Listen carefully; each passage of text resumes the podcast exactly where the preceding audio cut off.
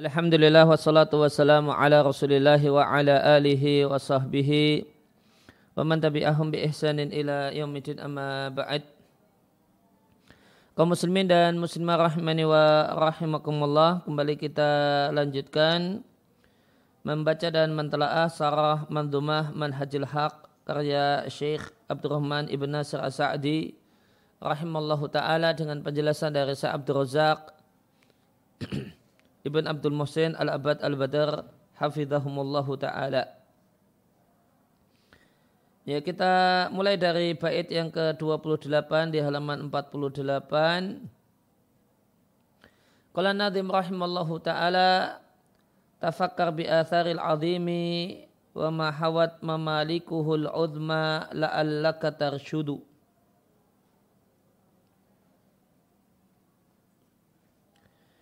Pikirkanlah jejak-jejak zat yang agung dan apa yang menjadi kandungan kerajaan Allah yang sangat besar.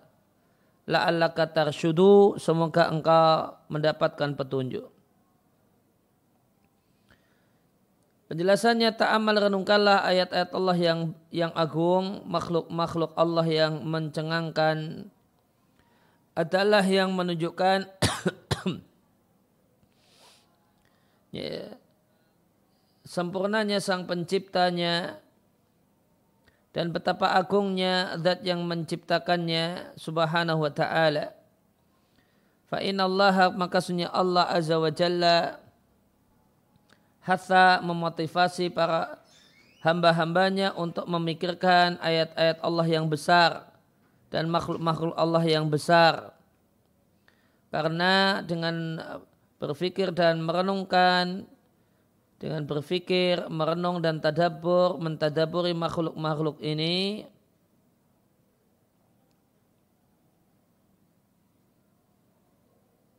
min atharin azimin alal abdi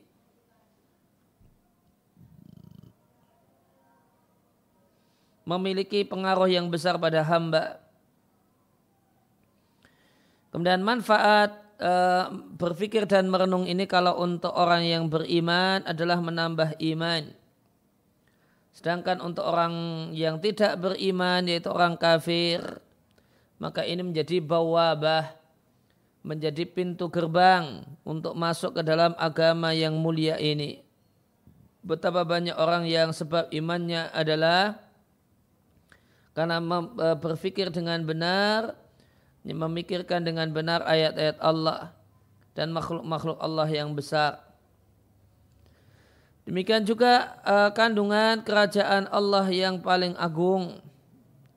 Kandungannya adalah langit, bumi, dan semacam itu yang merupakan makhluk-makhluk yang besar-besar.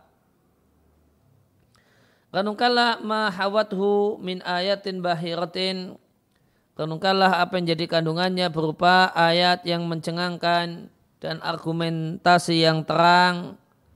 Ala azamati mubti'iha menunjukkan keagungan penciptanya dan sempurnanya sang penciptanya. Jalla sya'nuhu. La'allaka tarshudu. Itu semoga engkau mendapatkan arasyad mendapatkan petunjuk. Semoga engkau termasuk orang-orang yang mendapatkan petunjuk disebabkan hada tafakkur perenungan ini. Fa inna hada ta'amula maka sesungguhnya perenungan ini alladzi da'allahu subhanahu ta'a subhanahu wa ta'ala ibadahu yang Allah serukan kepada hamba-hambanya fi mawadi'a adidatin min kitabihi di banyak ayat dalam kitabnya itu akan berikan petunjuk kepada akan mengantarkan seorang hamba kepada pintu-pintu hidayah dan jalan keberuntungan, jalan kebahagiaan di dunia dan di akhirat. Ibnul Qayyim dalam Miftah dari Sa'adah mengatakan wa ahsanu ma unfiqat fihil anfusu dan perkara terbaik untuk menghabiskan napas adalah atafakur napas berarti umur maka ya, yang terbaik umur itu dihabiskan untuk at-tafakkur fi ayatillahi. Memikirkan ayat-ayat Allah dan hal-hal yang menakjubkan dari ciptaan Allah. Wal intiqalu minha dan berpindah ya, minha dari makhluk ila ta'aluq qalbi untuk bergantungnya hati wal himmah dan pikiran bihi kepada Allah tidak lagi kepada satupun dari makhluk ciptaan Allah Subhanahu wa taala. Ya, bait yang ke-29 halaman 49. Qala Nadim rahimallahu taala alam tara hadzal laila idja'a musliman fa'aqabahu jaisum minas subhi yatrudu Tidakkah engkau saksikan malam ini ketika dia datang dalam keadaan muslimah gelap lantas disusul diiringi di belakangnya oleh Jaisumna Subahi tantara pagi ya terudu yang mengusir gelapnya malam penjelasannya tidakkah engkau lihat wahai seorang mukmin malam yang gelap yang ke, uh, gelapnya itu menutupi siang. Lantas dia diiringi diikuti tentara pagi yang mengusirnya. Artinya tabi'ahu dia diikuti oleh tentara pagi. Tentara pagi adalah siang eh, cahaya atau terang wenur dan cahaya Taridan tentara pagi mengusir kegelapan itu, kegelapan malam.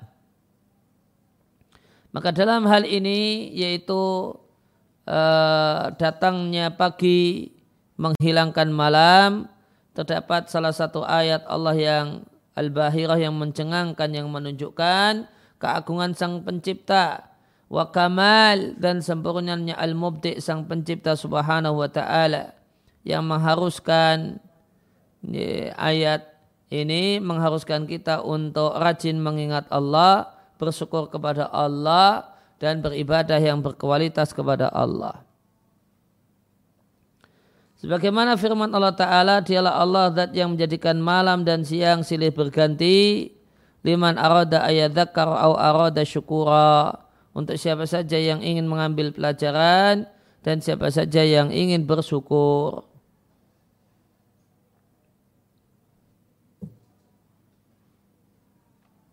Al-Furqan 62.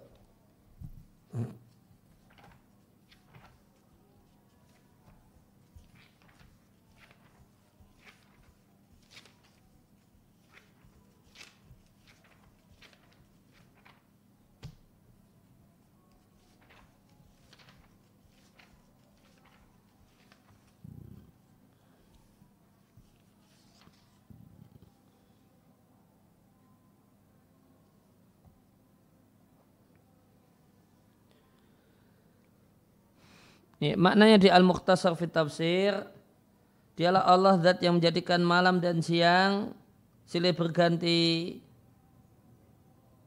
Ini, satu menggantikan yang lain. Ini, iman untuk siapa saja yang ingin mengambil pelajaran dari ayat-ayat Allah sehingga mendapatkan petunjuk atau ingin bersyukur kepada Allah atas nikmat-nikmatnya.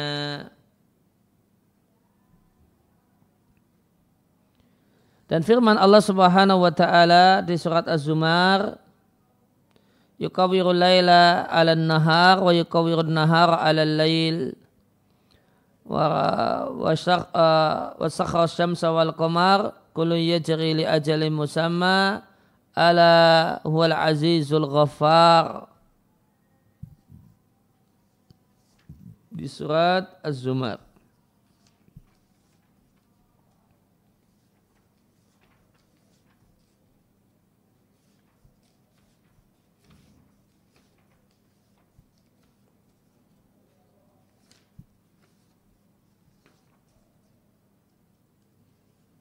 ayat 5.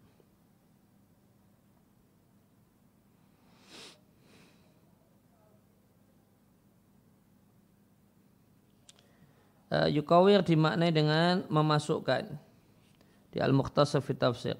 Allah masukkan malam kepada siang dan Allah masukkan siang kepada malam. Sehingga jika datang salah satunya maka pergilah yang lain. Allah tundukkan matahari dan rembulan. Semua masing-masing dari matahari dan rembulan berjalan untuk waktu yang telah ditentukan. Yaitu berakhirnya kehidupan ini. Allah ingatlah bahasanya dia Allah adalah zat yang maha perkasa, membalas musuh-musuhnya dan tidak ada satupun yang bisa mengalahkan Allah. Dan Allah adalah Al-Ghafar, maha pengampun untuk dosa-dosa orang yang bertobat di antara hamba-hambanya.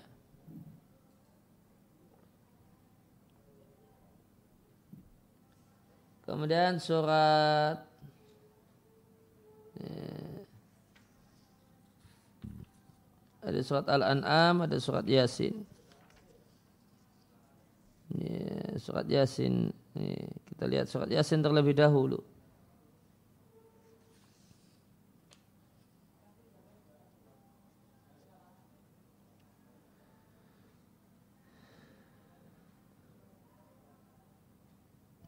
Tiga tujuh tiga dua wa ayatul lahumul lailu naslakhu minhun nahara di al-mukhtasar fi tafsir.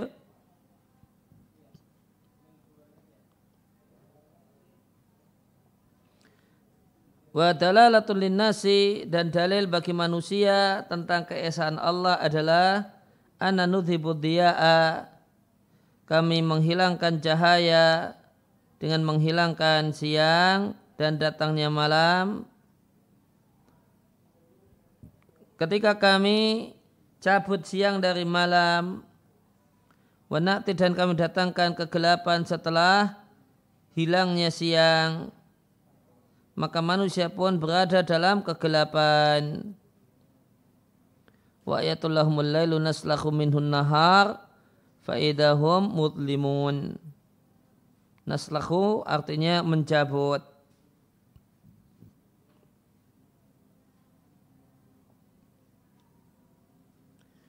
Dan tanda bagi mereka tanda tentang keesaan Allah adalah matahari ini alat tajri yang berjalan di mustaqarin menuju tempat berhenti yang Allah mengetahui ukurannya dan matahari tersebut tidak akan melewatinya.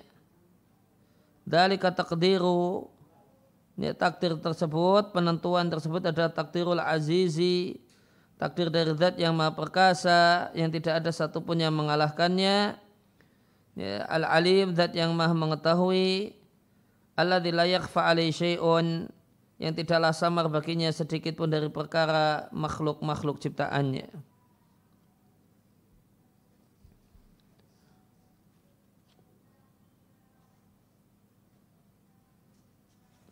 Dan Al-An'am ayat 96.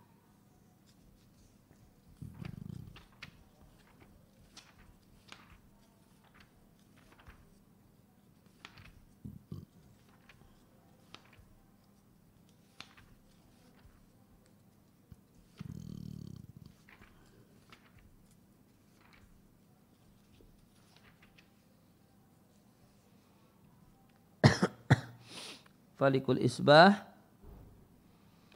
Dialah Allah subhanahu wa ta'ala yang membelah cahaya pagi dari gelapnya malam. Dan dialah Allah zat yang menjadikan malam itu tempat ketenangan bagi manusia yang mereka tenang di waktu malam sehingga tidak melakukan aktivitas untuk mencari penghidupan. Supaya mereka beristirahat dari rasa capek mencari penghidupan di siang hari. Dan dialah Allah zat yang menjadikan matahari dan rembulan keduanya berjalan bin muqaddarin dengan perhitungan yang telah ditentukan. Dalikal madhkur min badi'i sun'i dan apa yang telah disebutkan berupa indahnya penciptaan itu adalah takdir zat yang maha perkasa yang tidak ada satupun yang mengalahkannya al-alim zat yang mengetahui bikhalqihi makhluknya dan apa yang layak bagi makhluknya.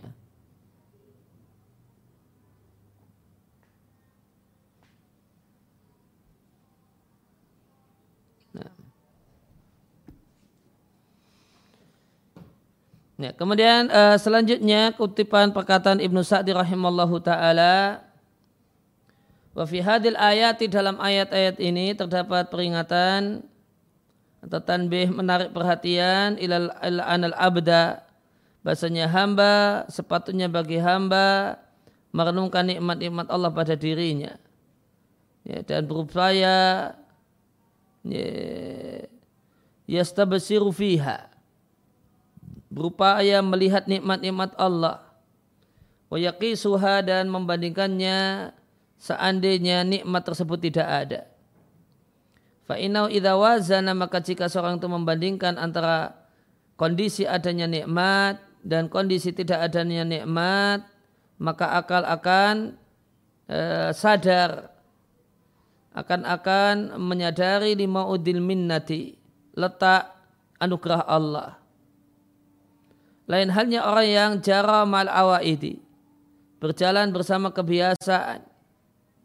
Wara'a dan berpandangan annaha ada bahasanya halnya adalah perkara yang lam yazal terus menerus mustamira akan berjalan terus menerus dan tidak akan hilang sehingga hatinya buta untuk al anithana'i alallahi untuk menyanjung Allah karena nikmat-nikmatnya hatinya buta sehingga tidak bisa melihat kalau dia membutuhkan nikmat-nikmat tersebut setiap waktu. Fa inna hada maka tindakan ini tidak akan mewujudkan bagi seorang hamba pikiran untuk bersyukur dan pikiran untuk berzikir. Bait ke-30 halaman 50.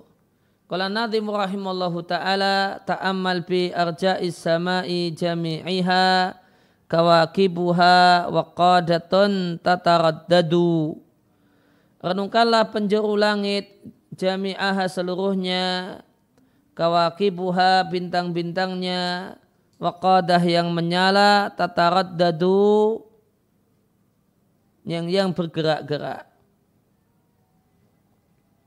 Atau bergerak. Penjelasan yang dimaksud dengan arja'i sama artinya atrofiha. Ujung-ujung langit. Wa jawani biasa sisi-sisi langit.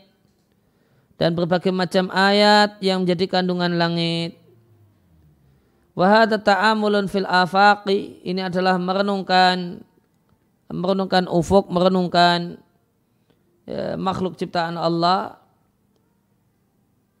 Wa fi hadha samai ya, dan di langit ini dan sisi-sisinya yang Allah tinggikan, Allah buat menjadi tinggi subhanahu wa ta'ala dan Allah jadikan langit bagi bumi seperti penutup. Langit bertugas untuk menutupi bumi dari semua arahnya dan mengepung bumi dari semua ujung-ujungnya. Kawakibuha, kawakib artinya an-nujum, bintang yang Allah jadikan bintang itu subhanahu wa ta'ala sebagai hiasan bagi langit dan sebagai tanda yuhtada biha sebagai penanda arah yang dengan penanda tersebut maka yuhtada orang mendapatkan petunjuk yaitu petunjuk arah syayatin dan pelempar bagi setan yang mau mendengar uh, pembicaraan malaikat langit dunia. Inilah tiga fungsi bintang. Yang pertama zinatan lisama'i sebagai perhiasan bagi uh, bagi langit sehingga langit itu indah di malam hari dengan adanya bintang-bintang. Kemudian yang kedua adalah alamatin yuhtada biha sebagai tanda untuk mengetahui arah. Maka bisa dimanfaatkan oleh para nelayan atau orang-orang yang mengadakan perjalanan di malam hari. Bintang tertentu sebagai arah uh, tempat uh, arah arah mata angin tertentu. Kemudian yang ketiga pelempar setan waqadah maknanya mudi aton bercahaya maka bintang adalah salah satu ayat Allah Subhanahu wa taala seandainya bukan karena bintang lama tentu tidaklah langit memiliki pemandangan yang demikian indah ini. Wahai dan keadaan yang demikian menakjubkan. Wahada dan ini adalah di antara faktor yang mendorong an-nadirin, orang yang melihat bintang untuk merenungkan bintang. Dan merenungkan makna yang di, yang ada di balik keberadaan bintang. Wal istidlal dan berdalil dengan bintang untuk menunjukkan sempurnanya penciptanya dan betapa agungnya penciptanya. Tataraddadu, taraddud di sini maknanya taharuk bergerak. Maka bintang itu bergerak dengan perintah Allah Subhanahu wa taala berpindah dari satu tempat ke tempat yang lainnya dengan perintah Allah Subhanahu wa taala dan penundukan dari karena ditundukkan oleh Allah Subhanahu wa taala.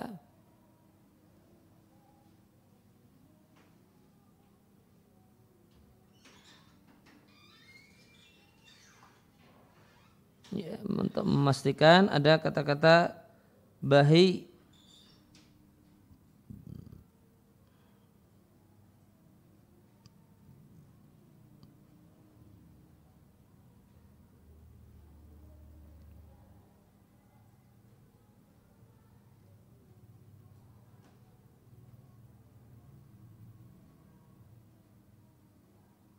Ya, jamilah, fatinah, indah menggoda.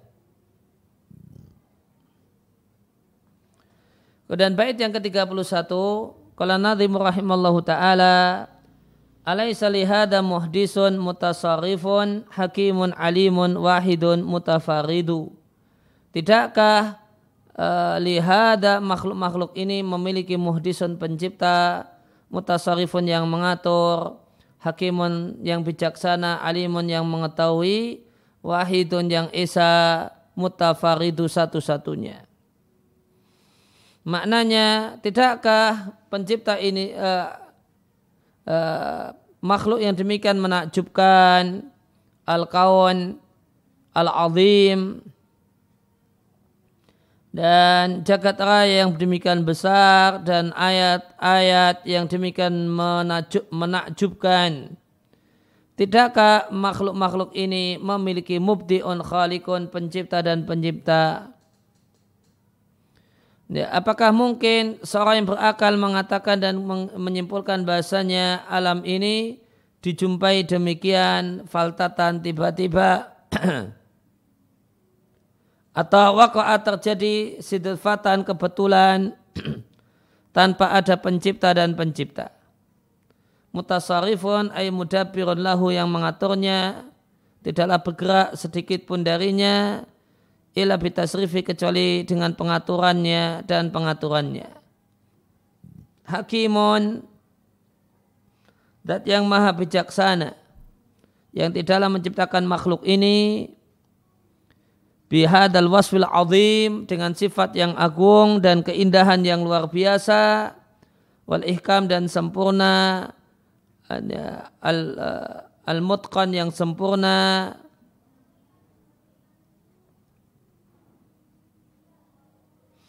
abasa tidaklah dia tidak mungkin dia menciptakannya main-main dan tidaklah mungkin yu, walam yujituhu tidak mungkin dia menciptakannya batila sia-sia. Wa ma khalaqna sama awal arda wa bainahuma batila. Tidaklah kami ciptakan langit dan bumi dan makhluk yang ada di antara keduanya batila sia-sia. Dalika Dhanul ladina kafaru itulah sangkaan orang-orang kafir maka celakalah orang-orang kafir minan nar untuknya neraka. Wa fi maka dalam hal ini bahasanya penciptaan langit dan bumi itu berdasarkan hikmah. Allah tidak menciptakan langit dan bumi batila sia-sia. Ay abasan main-main, laiban main-main tanpa faedah, tanpa maslahat. Idza ta'ammalaha maka jika manusia merenungkan makhluk ya, jika direnungkan makhluk ini oleh sahihut ta'amuli orang yang benar perenungannya. Ya, sahihun nadari orang yang benar ya, perenungannya. Maka dia akan jumpai bahasanya makhluk-makhluk ini muasasatan. Ya, memiliki asas ya, atau dibangun ala ghayatil hikmah. Uh, puncak hikmah. Murrosyatan bil hikmah tertutupi hikmah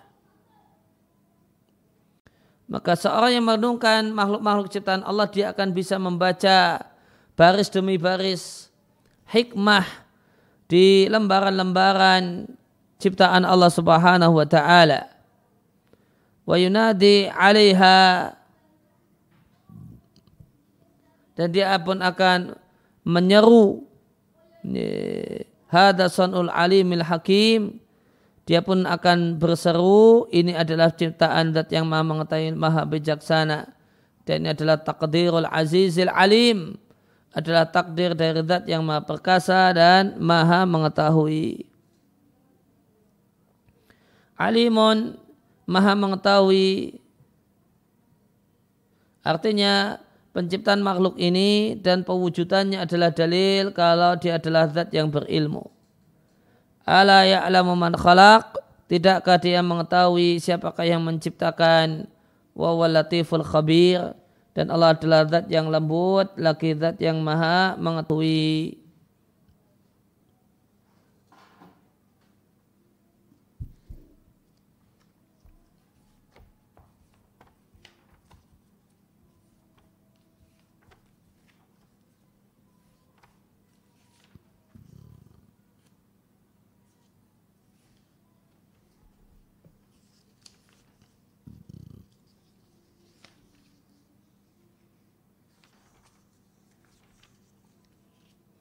Al-Mulk ayat 14. Di Mukhtasar fi Tafsir tidakkah uh,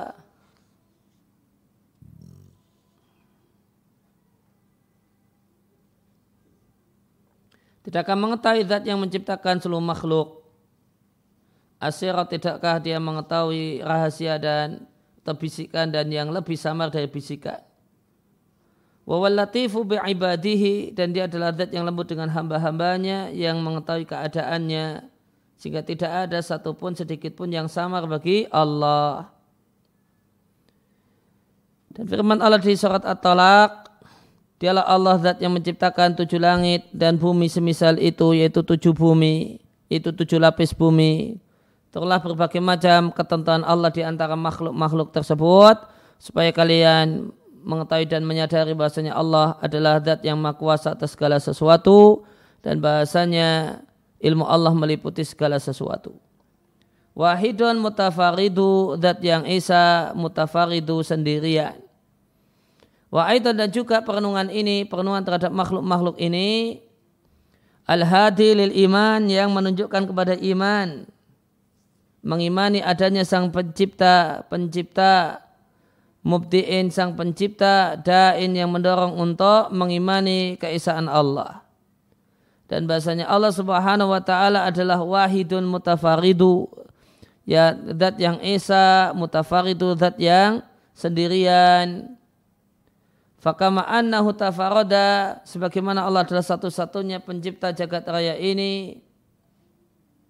Wa ijadihi, satu-satunya yang menciptakannya La syarikalahu tidak ada sekutu baginya dalam sedikit pun dari hal itu. Hal min khaliqin ghairullahi yarzukukum. Adakah min khaliqin pencipta selain Allah yang berikan rezeki kepada kalian? Maka wajib an yufrada wahdahu. Ini Allah itu diisakan bitaati dengan uh, dalam ketaatan wa yukhasu jalla wa ala wahdahu. Dan wajib dikhususkan Allah jalla wa ala bil ibadati dengan ibadah. Dengan tidak dijadikan bersamanya syarikan sekutu. Faya maka makhluk-makhluk ciptaan Allah ini adalah syawahid bukti. Rukimat suturuha yang baris demi barisnya dituliskan di lembaran-lembaran makhluk yang bisa dibaca oleh setiap orang yang berakal. Wa ghairi katibin dan tidak bisa baca dan tulis. Maka makhluk-makhluk ini dipasang sebagai saksi bagi Allah. Memberikan persaksian tentang keesaan Allah dan rububiyah Allah. Memberikan persaksian tentang ilmu dan hikmah kelembutan dan pengetahuan.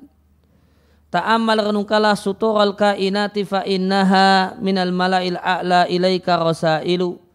Renungkanlah ya, baris demi baris al kainat makhluk-makhluk yang ada. Fa innaha maka makhluk-makhluk tersebut minal malail a'la ilaika rasailu adalah rasail surat-surat dari malail a'la dari kumpulan yang paling mulia yaitu para malaikat. Surat-surat ilaika untuk anda laqad khatta fiha. Yang mungkin uh, malal a'la makna umumnya malaikat. Namun bisa namun yang lebih tepat kalau dalam konteks ini adalah Allah. Maka makhluk-makhluk ciptaan Allah, makhluk-makhluk yang demikian menakjubkan itu bagikan rosail, surat dari Allah untuk anda. Waqat khatta fiha lau ta'amal takhattaha dan sungguh dia telah menuliskan pesan padanya seandainya engkau merenungkan tulisannya. Apa tulisannya? Ya, tulisan yang telah dituliskan di situ ala kullu syai'in ma batilu. Ingatlah bahasanya segala sesuatu selain Allah itu batil.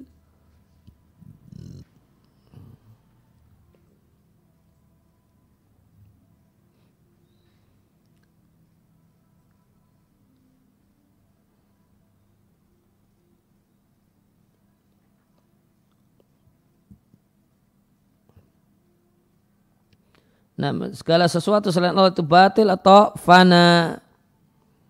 Ya, ujungnya nanti kehancuran. Kemudian bait yang ke-32 qala nadhim rahimallahu taala bala walladhi bil haqqi atqana sun'aha wa auda'aha al asrara lillahi tashhadu. Betul. Ya, walladhi bil haqqi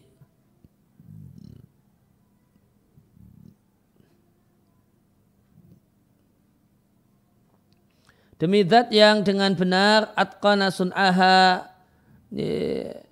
atqana secara bagus sun'aha menciptakan makhluk-makhluk tersebut dan meletakkan padanya rahasia-rahasia lillahi tashhadu yang memberikan persaksian untuk Allah. Bala adalah jawaban wahwa dan bala itu jawaban yang yakti yang terletak setelah ini peniadaan setelah pertanyaan bukankah li isbatil manfi untuk menetapkan yang ditiadakan. Bukankah itu ciptaan Allah? Jawabannya betul itu ciptaan Allah. Artinya bala betul inna lihadal khalqi makhluk ini memiliki muhdisan pencipta yang mengatur, yang bijaksana, yang mengetahui, yang esa, yang sendirian. Wa aksama ala dalika dan Nazim bersumpah ala dalika hal tersebut bersumpah dengan nama Allah yang mulia. Walladhi bil haqqi atqana sun'aha demi zat yang dengan uh, walladhi bil haqqi dengan benar atqana sun'aha. Dia ciptakan makhluk-makhluk tersebut dengan sebaik-baiknya Artinya aujadaha dia ciptakan makhluk-makhluk tersebut biitqanin wa ihkamin dengan bagus dan bagus. Mata rafi khalqi rahmani min tafawut. Farji'il basara hal tara min futur. Maka tidaklah engkau saksikan pada penciptaan Allah Ar-Rahman ya, tafawut. Tafawut makna asalnya perbedaan.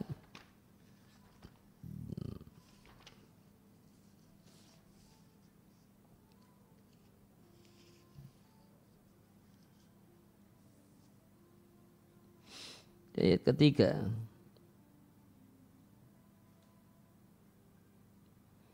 Yeah. Wahai orang yang melihat uh, apa yang Allah ciptakan, ya, kalian tidaklah menyaksikan dalam apa yang Allah ciptakan ay tafawutin ay adama tanasubin maknanya tidak selaras tidak cocok Farjil basara hal tara maka kembalilah uh, kembalikan pandangan apakah pandangan itu apakah engkau melihat? Ya, minta syakukin atau tasaddu'ain ada makhluk yang terbelah atau ya, terbelah. Kalian tidak akan engkau tidak akan melihat hal tersebut. Yang engkau lihat adalah ciptaan khalqan muhkaman mutqana yang kokoh ya, yang sempurna maka futur artinya tasaddu'un wa tasyakkukun terbelah Faya maka makhluk-makhluk yang ada adalah makhlukatun mutqanatun wa muhkamatun adalah makhluk yang sempurna dan sempurna menunjukkan keagungan penciptanya dan sempurnanya yang menciptakannya subhanahu wa ta'ala. Dia Allah meletakkan al-asrara rahasia. Auda'a meletakkan asrar pada makhluk ini sejumlah rahasia. Rahasianya menunjukkan keagungan sang pencipta dan memberikan persaksian tentang hal tersebut. Maka dia adalah ayatun adalah bukti yang Allah sebar luaskan wa nasara dan Allah sebar luaskan di jagat raya ini tadullu menunjukkan alaihi adanya Allah Subhanahu wa taala. Maka betapa mengherankannya fawa ajaba kaifa yu'sal ilahu am kaifa yajahaduhul jahidu. Bagaimanakah Allah itu didurhakai atau bagaimanakah ya jahaduhul jahidu? Adanya Allah itu diingkari oleh orang-orang yang mengingkarinya yaitu ateis. Walilai fi kulli tahriqatin wa fi kulli taskinatin abada syahidu ya, dan bagi Allah dalam setiap gerak dan setiap tenang ya, selamanya terdapat sak, terdapat bukti wa fi kulli syai'in lahu ayatun tadulu ala annahu wahidu dan pada segala sesuatu terdapat ayat yang menunjukkan kalau dia adalah zat yang esa. Wa fil ardi ayatun uh, qala an-nadhim rahimallahu taala wa fil ardi ayatun liman kana muqina wa matang faul ayatu man kana yajhadu. Dan di bumi terdapat banyak ayat bagi siapa saja yang yakin. Namun ayat-ayat itu tidaklah bermanfaat bagi orang yang mengingkari. Penjelasannya, maka di bumi terdapat ayat yaitu barahin bukti, wahujatun dan argumen yang menunjukkan keesaan Allah Subhanahu wa taala. Namun ayat-ayat ini adalah bermanfaat bagi setiap orang. Yang bisa mengambil manfaat dari ayat-ayat ini adalah orang-orang yang yakin. Sebagaimana firman Allah Subhanahu wa taala, wa fil ardi ayatul lil muqinin dan di bumi terdapat ayat bagi orang-orang yang yakin. Ibnu Katsir rahimahullah di tafsirnya untuk ayat ini mengatakan artinya fiha di bumi minal ayat terdapat ayat yang menunjukkan keagungan penciptanya dan menunjukkan kuasa Allah yang demikian mencengangkan mimma qad fiha Allah ciptakan padanya berbagai macam tumbuh-tumbuhan dan hewan. Allah ciptakan wal mihat wal jibal, jibal gunung, wal kifar wal anhar, kifar itu uh, padang pasir, wa anhar sungai, wal bihar dan lautan.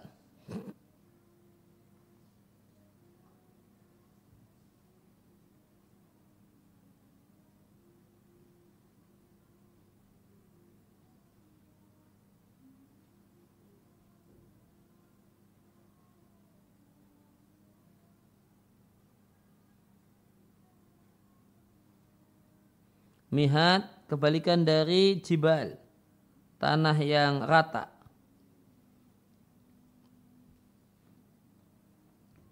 Halaman 53. Akan tapi mengambil manfaat dari ayat-ayat ini, inama huwa lil muqinin, hanyalah ada bagi orang-orang yang yakin.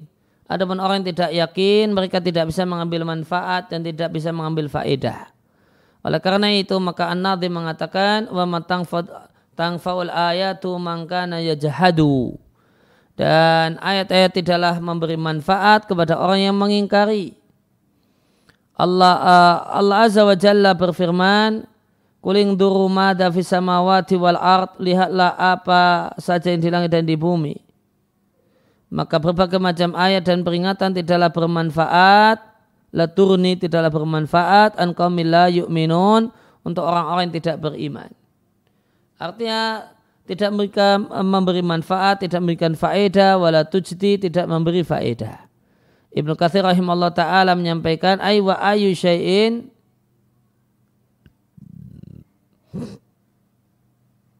al ayatu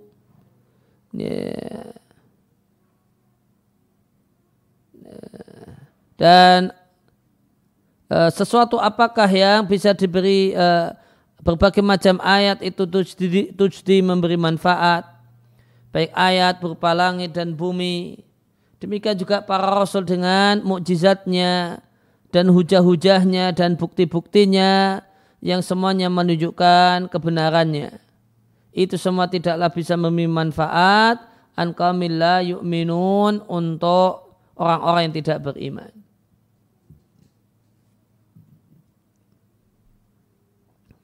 Sebagaimana firman Allah Ta'ala, Innaladhi haqqat alaihim kalimatu rabbika la yu'minun. Untuk orang-orang yang telah ditetapkan kalau tidak akan beriman, ya, ya, telah tetap baginya kalimat rabbika keputusan Rabbmu bahasanya dia tidak beriman lau ja'adhum kullu ayatin ya, maka mereka tidaklah beriman meskipun datang kepada mereka semua ayat sampai mereka melihat seksaan yang pedih baru mereka menyatakan beriman di saat pernyataan beriman sudah tidak lagi manfaat dan firman Allah Ta'ala wa ka'ayyim min ayatin fis samawati wal ardi yamuruna 'alaiha. Dan betapa banyak ayat di langit dan di bumi yang mereka lewati. Namun wahum anha mu'ridun namun mereka berpaling darinya. Yusuf ayat 105.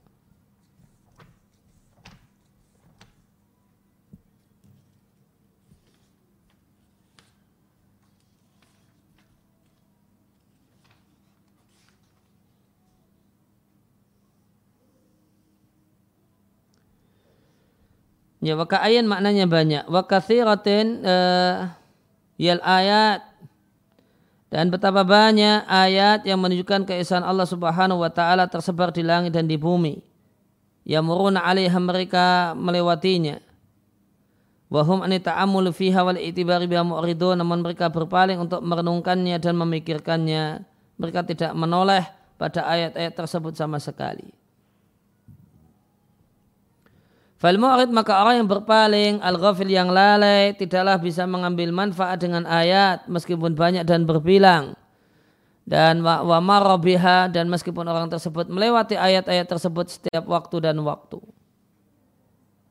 Kalau Nabi rahimallahu taala wa fi nafsi ayatun dan dalam diri manusia terdapat banyak ayat wa fiha ajaibu dan pada diri dan badan manusia terdapat banyak yang menakjubkan biha dengan ayat-ayat tersebut yu'rafullahul azimu wa yu'badu.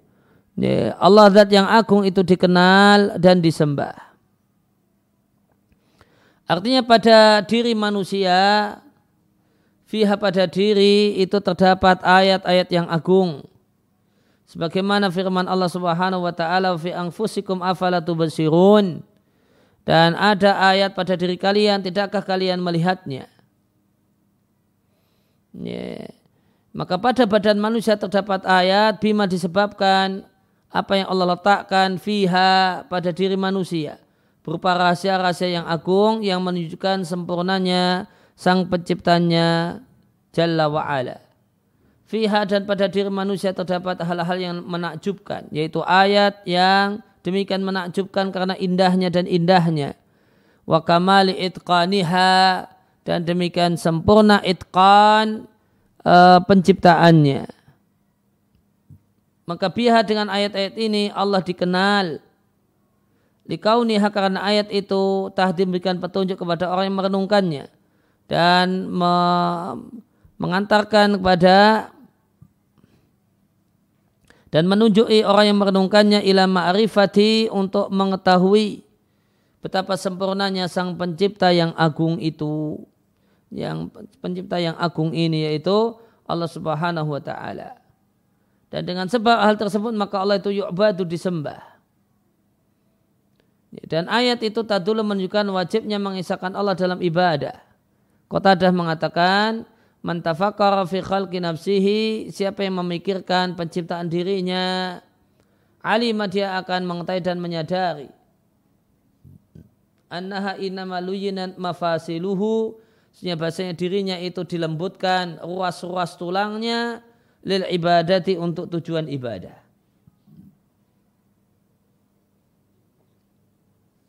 Ya, Allah dikenal dan disembah. Maka kalimat ini Allah dikenal dan disembah mengisyaratkan dua jenis tauhid. Ini ada dikenal berarti tauhid ilmu, kemudian disembah berarti tauhidul amal. Dan dua-duanya mengisahkan Allah dalam pengetahuan dan mengisahkan Allah dalam amal adalah maksud penciptaan. Sebagaimana firman Allah Ta'ala menjelaskan bahasanya Allah menciptakan makhluk supaya mereka mengenal makhluk, mereka supaya mereka mengenal Allah. Allah Subhanahu wa taala berfirman, Allahu ladzi khalaqa sab'a samawatin samawatin wa minal ardi mislahun. Allah adalah zat yang menciptakan tujuh langit dan bumi semisal itu yaitu tujuh lapis bumi. Ya, turunlah berbagai macam ketetapan Allah di antara di antara makhluk-makhluk tersebut li ta'lamu supaya kalian berilmu bahasanya Allah adalah ya, maha mengetahui segala sesuatu dan bahasanya ilmu Allah meliputi segala sesuatu. Maka ini maksud tujuan penciptaan berdasarkan surat At-Talaq adalah ilmu. Dan Allah berfirman menjelaskan bahasanya Allah ciptakan makhluk supaya mereka menyembah kepada Allah dan ini berarti amal. Wa ma khalaqtul jinna wal insa illa liya'buduni. Tidak aku ciptakan jin dan manusia kecuali supaya mereka menyembah kepadaku. Dan kalau Nadim rahimallahu taala laqad qamatil ayatu tashhadu annahu ilahun azimun fadluhu laisa yanfadu. Maka sungguh telah terdapat banyak ayat yang memberikan persaksian bahasanya dia Allah adalah zat adalah ilah yang agung, sesembahan yang mulia. Dan anugerah Allah laisa yanfadu. Dan anugerah Allah itu tidak pernah habis.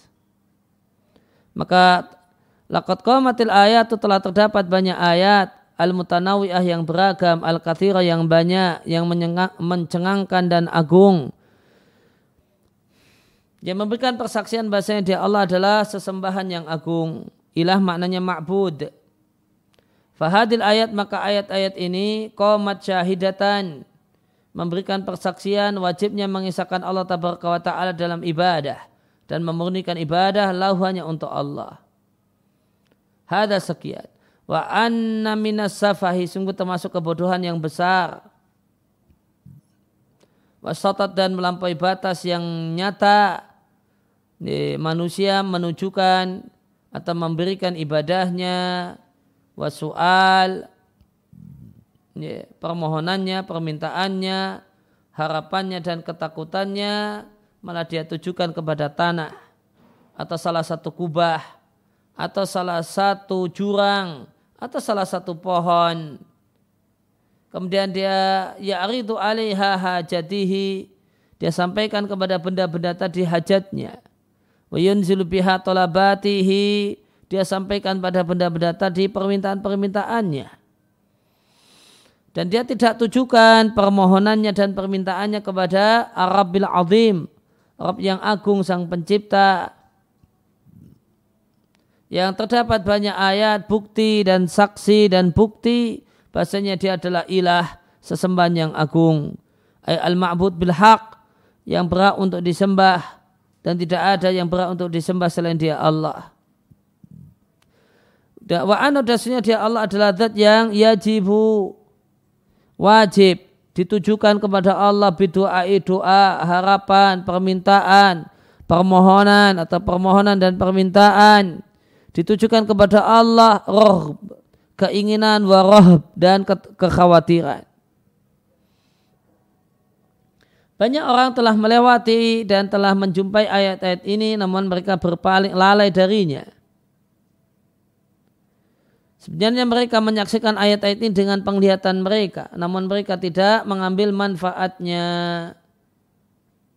Oleh karena itu mereka tujukan kepada selain Allah soalan permohonan wa permintaan dulan wa khudu'an wa kisaran ya, dalam keadaan hina mer, uh, menghinakan diri merendah ya, wa ingkisaran dan hati yang ambiar dan pecah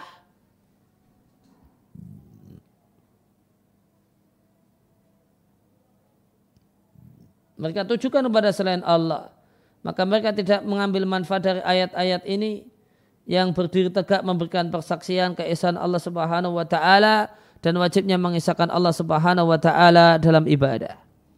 Fatluhu laisa yanfadu anugerah Allah itu tidak pernah habis. Aimanuhu anugerah Allah uh, wujuduhu keberadaannya dan pemanfaatannya tidak pernah habis. Ma ingdakum yanfadu semua yang kalian miliki itu akan habis wa ma'indallahi baqa. Sedangkan apa yang ada di sisi Allah itu yang abadi. Maka perbendaharaan Allah itu penuh subhanahu wa ta'ala. Anugerah Allah seluruhnya adalah uh, wal fadlu kulluhu fadluhu dan anugerah seluruhnya adalah anugerah Allah tiada sekutu baginya Wa ma bikum min nikmatin fa minallah. Semua nikmat yang ada pada diri kalian itu berasal dari Allah. Dan jika kalian hitung nikmat-nikmat Allah, kalian tidak bisa menghitungnya. Dalam hadis Qudsi, Allah Jalla wa ala berfirman, Wahai hamba-hambaku, seandainya semua kalian yang pertama sampai yang terakhir manusia dan jin, semuanya berada di satu tempat yang sama, tanah lapang yang sama. Semuanya meminta kepadaku dan aku beri masing-masing orang permintaannya masing-masing itu semua tidaklah mengurangi perbendaraanku kecuali sebagaimana jarum ya, mengurangi air laut ketika dimasukkan ke dalam lautan. Dan ketika diangkat masih tetes balik lagi. Artinya tidak ada apa-apanya, tidak berkurang sama sekali. Dan kala Nabi rahimahullah ta'ala faman kana min khursil ilahi maka siapa saja yang menjadi tanamannya Allah ajaba'u maka dia akan menjawabnya walai saliman walla wa dan tidak ada bagi orang yang berpaling dan mundur ke belakang musaidu dat yang atau pihak yang membahagiakannya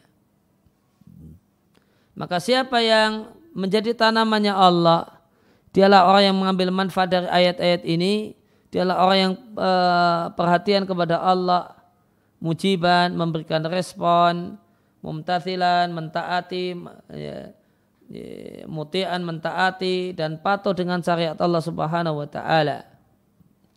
Tentang ghorsilah, kata-kata ghorsilah itu mengisyaratkan hadis yang dibawakan dengan sanatnya oleh Imam Ahmad Ibnu Majah dan yang lainnya dari Idbah Al-Khawlani radhiyallahu anhu beliau mengatakan aku mendengar Rasulullah sallallahu alaihi wasallam bersabda Allah terus menerus menanam untuk agama ini tanaman yang Allah akan gunakan mereka tanaman-tanaman Allah itu dalam ketaatan kepadanya.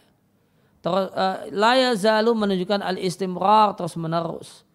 Bil makna dengan pengertian setiap kali berakhir gorsun satu tanaman berakhir dengan kematian maka Allah akan gantikan dengan tanaman Allah yang lainnya.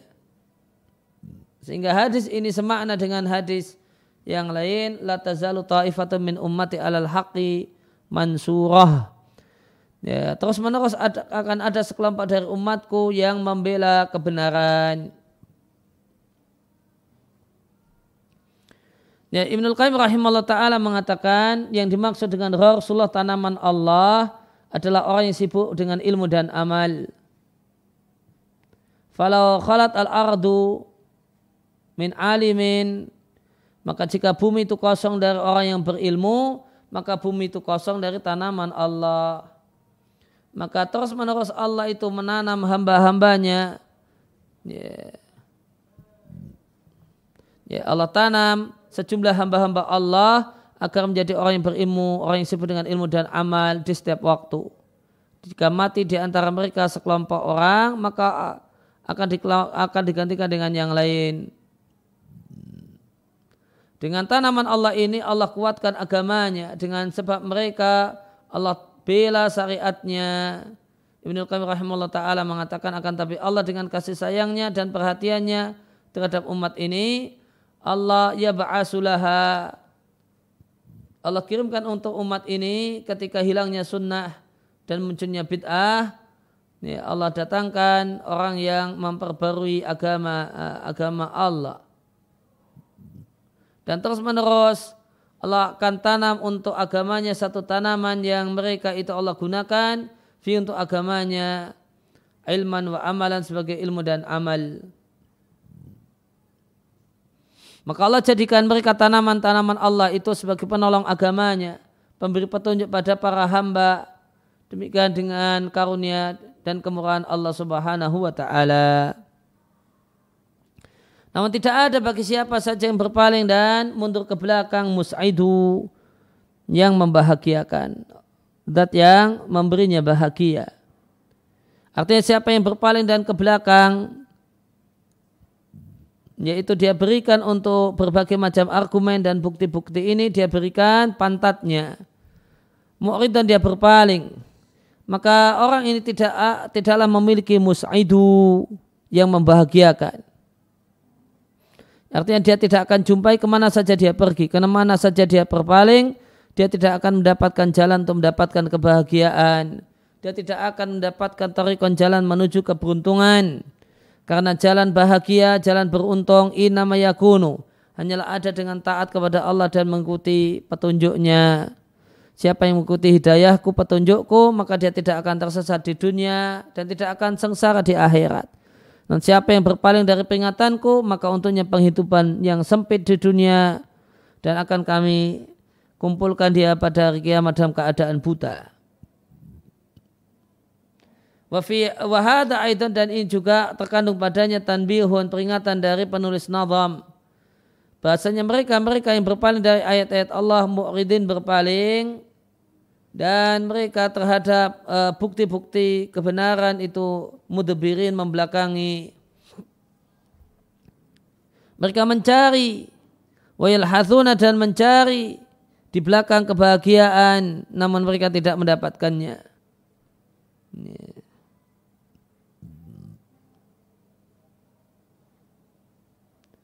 Wa yathwaru namun bisa mendapatkan biaya kebahagiaan orang yang melakukan usahanya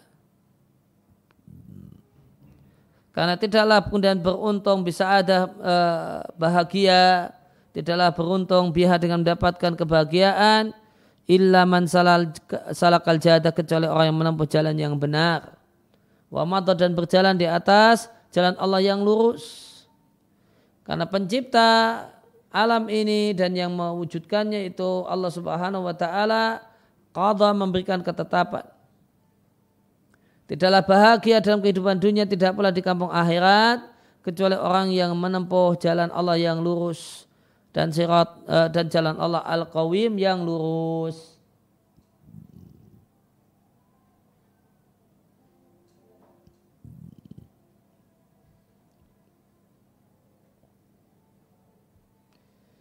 Kemudian bait uh, yang ke-37 Qala Nadim rahimallahu taala alaika bi taqwallahi fi fi'li amrihi wa tajtanibu al manhiya anhu wa yubaidu. Hendaknya engkau bertakwa kepada Allah untuk dengan melaksanakan perintah-perintah Allah menjadi larangannya ya, wa itu dan menjauh dari larangan-larangan Allah. Maka alaika bi taqwallah artinya ilzam taqwallah hendaklah senantiasa bertakwa kepada Allah Jaga selalu takwa dan dalam kau menjadi orang yang bertakwa. Dengan melaksanakan perintah menjadi larangan waktu ba'idu. Dan menjadi larangan inilah hakikat takwa mengerjakan perintah dan menjadi larangan. Sebagaimana dikatakan oleh Talak Ibn Habib rahimallah tatkala ditanya tentang pengertian takwa Takwa adalah engkau taat kepada Allah dalam di atas cahaya dari Allah yaitu cahaya iman. Karena berharap ganjaran dari Allah. Takwa adalah engkau tinggalkan maksiat kepada Allah di atas cahaya dari Allah yaitu cahaya iman. Karena rasa takut dengan siksaan Allah. Maka An-Nadim rahimahullah ta'ala menggabungkan motivasi untuk bertakwa dan tarhib dan motivasi untuk dirinya. Dan Allah ada uh, beliau jelaskan hakikatnya.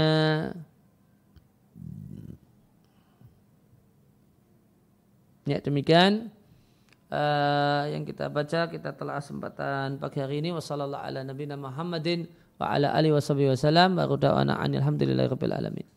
Ada pertanyaan Zat? Ada enggak?